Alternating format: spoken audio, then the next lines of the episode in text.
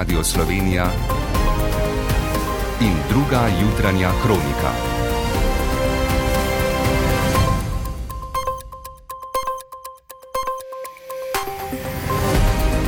Ura je sedem.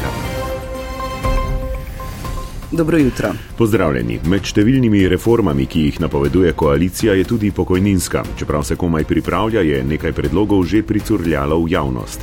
Z pristojnega ministerstva opozarjajo, da gre šele za ideje, o katerih se je treba dogovoriti. Državni sekretar Igor Feketija. Ko smo se lotili tega, je pošalj bil rečen, da v vsakem primeru bo polovica države jezne na nas, ne? tisti, ki morajo plačevati, ali tisti, ki prejemajo. Na prvem evropsko-ukrajinskem vrhu od začetka ruske agresije na Ukrajino v Kijevu pričakujejo pospešitev pridružitvenega procesa, a bo srečanje po pričakovanjih predvsem priložnost za pregled napredka pri reformah, ki jih zahteva Bruselj. Ameriško-kitajske odnose bi lahko dodatno zaostrilo razkritje balona visoko nad Združenimi državami. V Beli hiši sumijo, da gre za vohunjenje, a čeprav je bilo vojaško letalstvo že v pripravljenosti na sestrelitev plovila, se zato niso odločili iz varnostnih razlogov. 4 metri in 82 cm ni samo nov državni rekord v skoku s palico, ampak najboljši izid sezone na svetu med atletinjami. Tina Šute ga je dosegla sinoči na Moravskem. Lahko zdaj sproščeno naprej eh, tekmujem eh, in se pripravljam na Evropsko prvenstvo v Istanbulu. Na zahodu bo jasno, na vzhodu več oblačnosti. Z vami sva Gregor Budal in Sara Lutrič. Ministrstvo za delo bo letos pripravilo pokojninsko reformo. Cilji so trije: zagotovitev dostojnih pokojnin, vzdržnost pokojninskega sistema ter bolj pregleden in preprost pokojninski sistem. Nekaj istočnic, kako naj bi se oblikovala zakonodaja, je že prišlo v javnost. Prispevek Urške Valjavec. Odgovora na tisto, kar zanima večino, pri katerih letih se bomo upokojevali po novem, še ni. Državni sekretar Igor Feketija na vprašanje, ali se bo upokojitvena starost zvišala, odgovori samo. V tem trenutku je v bistvu edino pravilno odgovor na to, da ne vemo. Kaj pa podaljšanje pokojninske dobe iz 40 na 42 let, kot predlaga OECD? Ne, š, torej nikakor ne nujno. Ena od idej ministerstva je podaljšanje obdobja za izračun pokojninske osnove z najboljših 24 let na celotno obdobje. Tu je še predlog o dvigu prispevkov za samozaposlene. Eden od predlogov je tudi postopno zvišanje prispevnih stopenj za delodajalce. Gre za ideje, ki so še stvar dogovora. Ko smo se lotili tega, je pošalj bil rečen, da v vsakem primeru bo polovica države jezne na nas, ne? tisti, ki morajo plačevati, ali tisti, ki prejemajo. Direktor Spiza Marjan Papež bi sistem poenostavil z izenačenjem vseh dob in uvedbo točkovnega sistema. To ne pomeni sprememba sistema, ampak izračuna pokojnine, kjer bi odpadli te valorizacijski količniki in bi bolj na preprost, razumljiv način ljudje razumeli, kako se izračuna pokojnina. Potrebovali bi ločeni zakonodaji, eno, ki bi urejala prvi in drugo, ki bi urejala drugi pokojninski stebr, pa kot ključno novost predlaga predstavnik pokojninske družbe A Žiga Vižintin. Kot drugo pa se mi zdi, da rabimo mi postopno evolucijo našega sistema in mislim, da lahko prvi in drugi stebr data tam 70-80 nadomestitev in pa še potem privatni prihranki v obliki lahko tretjega stebra za tistega, ki si lahko, da pridemo lahko blizu 100%. Predlog Ministrstva za delo je pričakovati do sredine leta. Sledijo medresurska pogajanja, pogajanja med socialnimi partnerji in na to prihodnje leto sprejem zakonodaje. Morebitni spis 3 bi tako začel veljati šele z letom 2025. Poleg tega so napovedana prehodna obdobja, kar pomeni, da nova zakonodaja ne bi vplivala na zavarovance, ki so tik pred upokojitvijo. Po koalicijski napovedi, da bodo do konca mandata začeli graditev 5000 javnih najemnih stanovanj, po letu 2026 pa vsako leto s 100 milijoni evrov novih 3000 stanovanj, smo zbrali odzive na omenjene načrte. Večina jih je pozitivnih, vendar pa se ob tem pojavljajo različni pomisleki in opozorila, da so obljube premalo konkretne. Več Lara Grill. Do 2026 so še tri leta. Da bo koalicija do takrat lahko vzpostavila dolgoročno vzdržen sistem za graditev 3000 stanovanj na leto, pa je treba najprej odpraviti ugotovljena odstopanja, povdarja Črtomir Remec iz stanovanskega sklada. Uvest eh, bi se morala stroškovna najemnina, stanovanski dodatek, eh, potem je treba nekako zagotoviti, da število eh, javnih najemnih stanovanj saj približno doseže tisti željeni cilj. Ne. Cilj pa bi bil dosežen z graditvijo 5000 stanovanj do leta 2026.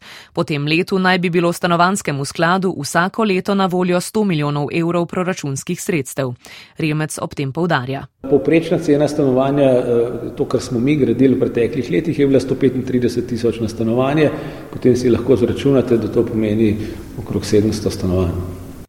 Povedano drugače, proračunska sredstva bi pokrila zgolj slabo četrtino od omenjenih 3000 stanovanj na leto, kar pomeni, da bodo za graditev potrebna tudi posojila. Rok Ramšak iz Inštituta za študije stanovanj in prostora pa meni, da je vladna obljuba premalo natančna. 100 milijonov leto je zelo, zelo abstraktna številka.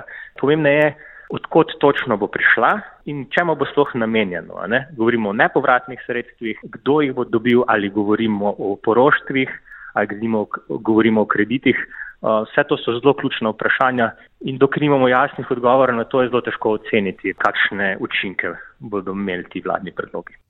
Ramšak dodaja, da bi bila nujna tudi regulacija najemnega trga ter opolnomočenje stanovanskega sklada zagotovitvijo neodplačnih zemlišč nekdanje slabe banke, na katerih bi lahko gradilo.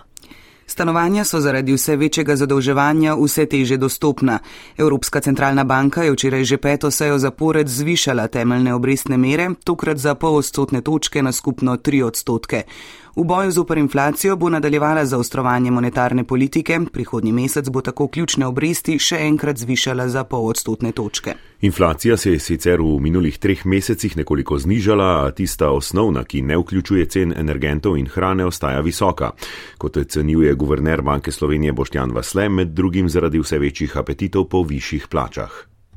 Ravno ta dinamika, ta gibanja plač v prihodnosti bodo ključna za to, kako hiter bo proces dezinflacije. Namreč, če bi prišlo do prekomernih eh, dvigov, dvigov, ki bi močno presegali trenutne ravnice in ki bi bili nevzdržni tudi z vidika produktivnosti, ki je tista ključna spremenljivka, ki določa rast plač, potem bi to lahko imelo dodatne pritiske na, na inflacijo oziroma bi zahtevalo večjo reakcijo z, z naše strani, torej strani centralne banke, da bi jo uh, umirili.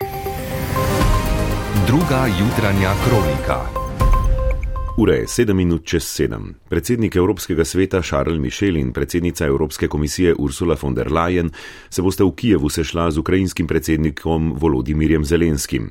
To bo 24. vrh med stranema, a prvi od začetka ruske agresije in odkar je Ukrajina dobila status kandidatke za članstvo v Uniji. Ukrajinski pristopni proces bo ob nadaljni evropski vojaški, gospodarski in humanitarni pomoči Kijevu tudi glavna tema vrha, poroča Mojca Širok. Odnosi med Evropsko unijo in Ukrajino temeljijo na pridružitvenem sporazumu, ki je začel veljati leta 2017. Ukrajina je za članstvo zaprosila po začetku ruske invazije februarja lani. Status kandidatke so ji evropski voditelji podelili junija na vrhu v Bruslju. A čeprav ukrajinski voditelji pozivajo k pospešitvi vstopnega procesa, bo kijevski vrh po pričakovanjih zgolj priložnost za pregled napredka pri reformah, ki jih zahteva Brusel. Evropska komisija pozitivno ocenjuje zagon, ki ga ima vojnim razmeram na vkljub pri sprejemanju zakonodaje ukrajinska stran. Brusel poudarja predvsem pomen reform na področju vladavine prava in boja proti korupciji, ki je bila v Ukrajini že pred vojno velik politični in gospodarski problem. Ukrajinski predsednik Zelenski Brusel poziva tudi k zaostritvi ukrepov proti Rusiji. Unija je proti Moskvi zaradi agresije na Ukrajino uvedla devet svežnjev sankcij, ki med drugim vsebujejo embargo na uvoz ruskega premoga in nafte, več ruskih bank pa je izključila iz mednarodnega bančnega sistema SWIFT. Včeraj je predsednica Evropske komisije napovedala, da bo deseti svežen nared še pred prvo obletnico začetka vojne 24. februarja. V Stokholmu sta se včeraj srečala predsednica finske vlade Sana Marin in njen švedski kolega Ulf Kristersson. Med drugim sta se pogovarjala o prizadevanjih obeh držav za članstvo v zvezi NATO. Menila sta, da bosta Švedska in Finska kljub nasprotovanju Turčije skupaj vstopili v Severnoatlantsko zavezništvo. Podrobneje Marjan Vešligaj. Sana Marin je prva tuja predsednica vlade, ki je obiskala Švedsko po volivni zmagi zmerne konzervativne koalicije pod vodstvom Ulfa Kristersona. S tem je izkazala povezanost obeh držav prizadevanih za članstvo v zvezi NATO, potem ko je turški predsednik Erdogan dal vedeti, da bi bila njegova država pripravljena ratificirati le članstvo Finske. NATO'nun genişleme süreciyle ilgili gelişmeleri yakından izliyoruz. Spremljamo proces širitve Zveze NATO in Švedske, pri tem niti ne omenjamo. Dokler tam ob nozočnosti policije dovoljujejo sežigati sveto knjigo Koran, ne bomo pristali na članstvo Švedske. Glede Finske pa imamo pozitivno stališče, je v sredo povedal turški predsednik, ko se je odzval na nedavni incident med demonstracijami pred stavbo turškega veleposlaništva v Stokholmu.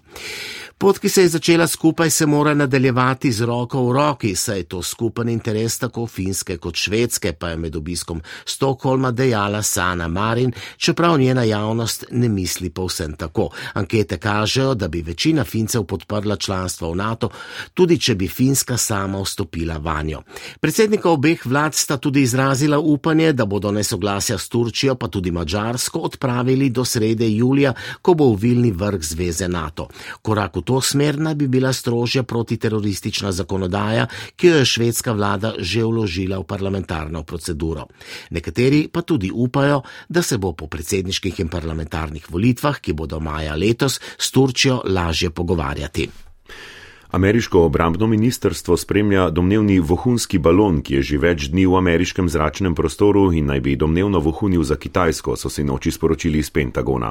Balon naj bi lebdel v zračnem prostoru zvezdne države Montana. Kot so dodali, so ga nameravali sprva razstreliti, a so si premislili zaradi nevarnosti, ki bi jo lahko povzročile razbitine. V Pekingu navet Washingtona za zdaj ne komentirajo. O podobnem incidentu poročajo iz Kanade. Tamkajšnje obramno ministrstvo je sporočilo, da so na veliki višini opazili vohunski balon in da mu sledijo. Ob tem so zatrdili, da Kanada ni v nevarnosti, pristojni pa si močno prizadevajo za to, da bi zagotovili varnost tamkajšnjega zračnega prostora. Ustvarjalci Loškega odra, gledališča z najdaljšo tradicijo, so si noči zaznamovali 120-letnico delovanja. Ohranjanje ljubiteljskega gledališča kulture in slovenskega jezika so prizadevanja, ki so poosebljala tudi sinočnjo slovesnost v Škofiloki. Prispeve Kaljane Jocif. Pred 120 leti so uprizorili prvo predstavo Mlini pod zemljo. V poznih 80-ih je Loški odr postal polpoklicno gledališče. Na Loškem odru že desetletja podeljujejo severjeve nagrade, ki povezujejo poklicna in ljubiteljska gledališča. Vsako leto uprizorijo eno ali dve premjeri. Z obiskom so zadovoljni, pravi vodja Loškega odra Ana Babnik, saj se gledalci vračajo, po koroni pa so se spremenile njihove njihove navade. Spremembe se kažejo v tem, da so ljudje pred epidemijo kupovali abonmaje, danes se pa odločajo za gled posamezne predstave. Vsi stremijo k kakovostnemu programu, kar izpostavlja tudi predsednik kulturnega društva Loški odar Matej Čujovič. Zato se tudi trudimo prizarjati predstave z različnih področji, žanrsko raznolike. Hkrati pa se seveda zavedati, da je naše poslanstvo mora biti nekoliko drugačno od poslanstva profesionalnih gledališč. Vsi igravci pa so ljubitelji gledališča. Vsi hodimo v službo in imamo svoje poklice, medtem ko so ostali sodelavci pri predstavah profesionalci. To pa seveda pomeni, da od nas zahtevajo toliko, kot zahtevajo od profesionalnih igravcev, in tu ni popuščanja. Merila dobrih gledaliških predstav so visoko postavljena, še poudarja Matej Čujovič, že 30 letja ljubiteljski igralec, ki je skupaj z ostalimi gledališčniki prijemnik številnih nagrad. Z nočnim kurentovim skokom se je začel pustni oziroma petiletni čas, ko s prvim pokom biča in zvonjenjem kurenti in koranti, kot jim še reče v podravskih vaseh, začnejo preganjati zlo in v deželo prinašajo rodovitnost. Na Ptuju, v slovenski karnevalski prestolnici, pa se je začelo že 36. kurentovanje. Prispevek Gabriele Milošič.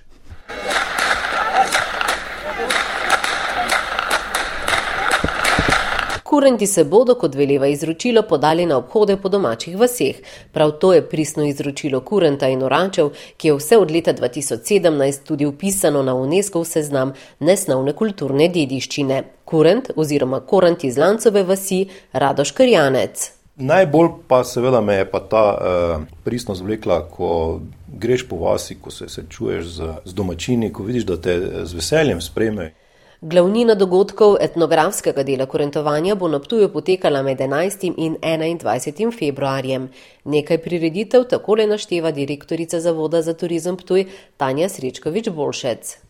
Korentovanje odpiramo z otvoritveno etno povorko. Bodo ob večerjih potekali prikazi avtohtonih pustnih likov. Gre za to, da želimo vsem obiskovalcem mesta predstaviti našo tradicijo. Največjim dogodkom korentovanja, torej tradicionalno mednarodno karnevalsko povorko. Danes popovdne pa se odpira mini sodoben muzej Kurentova hiša, Ptujska županja Nuška Gajšek. To je tudi kakšen doprinos mesta k razvoju te tradicije, zato da jo približamo ljudem.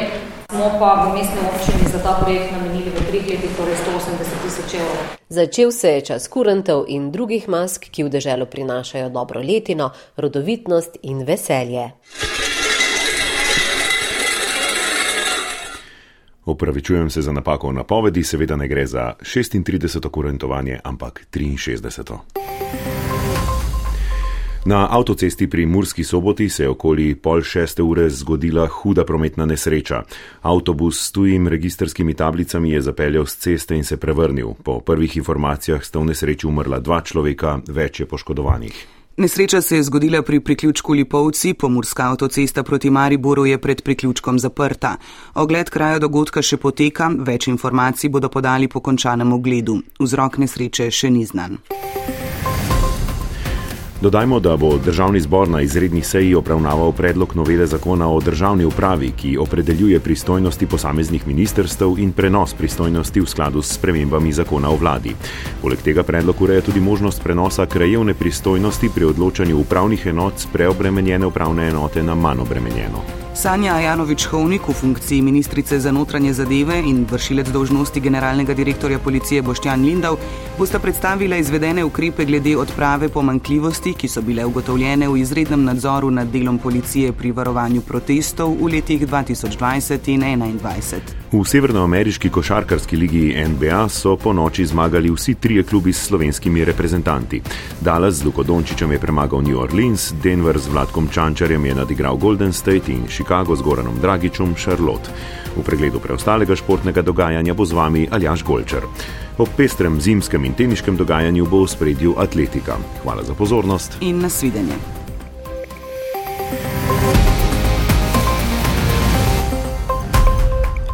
Tina Šute je sinoči na atletskem mitingu v Ostravi na Češkem izboljšala državni rekord v skoku s palico. Za zmago je skočila 4,82 cm, kar je hkrati tudi najboljši dosežek sezone na svetu. Zelo sem zadovoljna, eh, da mi je že na začetku sezone v bistvu uspeli skočiti državni rekord. Pa če sem zelo dobro trenirala v pripravljalnem obdobju, eh, nisem nič poškodovana, tako da uh, sem lahko cel plan oddelala pač tako, kot si ga je trener zamislil. In sem vedela, da, da sem dobro pripravljena, da lahko skočim visoko, tako da sem lahko zdaj sproščeno naprej eh, tekmujem eh, in se pripravljam na Evropsko prvenstvo v Istanbulu. Svetovni pokal v smučarskih skokih se bo danes nadaljeval v Willingenu, tretjem prizorišču to sezono, ki prinaša nastope tako skakalcev kot skakalk. To popovdne se bo tekmovalni program začel s tekmo mešanih ekip. Slovenska zasedba ostaja enaka kot prejšnji teden. Glavni trener skakalcev Robert Hrgota je po treningu, ki so ga med tednom opravili v planici, zadovoljen. Prvi trening po Kulmu smo upravili na manjši napravi in je v bistvu stvar stekla zelo, zelo dobro, bolje kot sem pričakoval. Tako da v bistvu sem nekako eh, zelo vesel, kako je ta teden potekal. Mislim, da so fantje se dobro pripravili, oziroma smo bolj individualno določene stvari probali še urediti za vsega posebej, tiste težave, ki jih je imel. Mislim, da smo v večini to zelo dobro oddelali. Pred smučarskimi tekači in tekačicami pa je deveti sprint v tej sezoni in zadnji pred svetovnim prvenstvom v Planici. V Dobjaku bodo tekli v drsalnem koraku, na startnem seznamu je tudi sedmerica slovencev. Eva Urevc si želi preboj v zločilne boje najboljše 30-terice, enak cilj pa ima tudi Miha Šimenc, ki po novoletni turneji tudi še ni tekel v četrt finalu. Progo poznam, je res, res uh, tako selektivna, sploh potem naprej v zračilnih tekih. Enostavno, če si enkrat zadaj, je preveč levih ovinkov, da bi lahko iz šestega mesta prišel na drugo pozicijo, ki vod naprej. Potrebno bo štartati dobro in pa držati pozicijo, to je uh, pač ta proga tukaj. Hokejisti Jesenic so v Alpski ligi sinoči zabeležili visok poraz v gosteh proti drugi ekipi Salzburga, avstrijsko moštvo je zmagalo z 8 proti nič, hokejisti Olimpije pa bodo drevi v razširjenem avstrijskem prvenstvu gostovali na Dunaju. Odbojkari Jaceha Voleja so na turnirju Srednje Evropske lige sinoči v dvorani Tivoli s 3 proti nič v nizih ugnali osje, ki imajo po desetih tekmah 10 zmag. Na drugem mestu za njimi ostaja Kalcit, ki je dosegel osmo zmago, s 3 proti 1 je premagal Waldviertel. Slovenska teniška reprezentanca se bo danes in jutri poskušala prebiti v prvo euroafriško skupino Davisovega pokala. V Carigradu bo igrala s turško reprezentanco, Slovenijo bosta v današnji igri posameznikov zastopala najstnika, prvi lopar je Artnak, drugi pa Sebastian Dominko, ki se bo v uvodnem dvoboju pomeril z najboljšim Turkom Altugom Čelik Bilekom. Je, definitivno bo pomembno, kako začnemo to srečanje. Je nekaj pritiska, ampak vseeno tudi dobra priložnost, da začnemo z dobro energijo, da začnemo z dobro igro, da pokažemo, da imamo šanse, kljub temu, da so oni favoriti. Na turnirju serije VTA na Tajskem bo Tamara Zidanček danes igrala v četrt finalu, njena nasprotnica bo 54. igralka sveta Kitajka Lin Zhu. Za konec pa golf. Z odprtim prvenstvom Kenije se je včeraj začela nova sezona evropske turneje za golfistke. Pija Babnik je s petimi udarci nad parom po prvem dnevu na sredini uvrščenih na 49. mestu. Po današnjem rezu bo turnir nadaljevala približno polovica golfistk. Poslušali ste drugo jutranjo kroniko, urednica Natalija Muršič, voditelja Gregor Budal in Sara Lotrič, tonski mojster Mitja Groznik.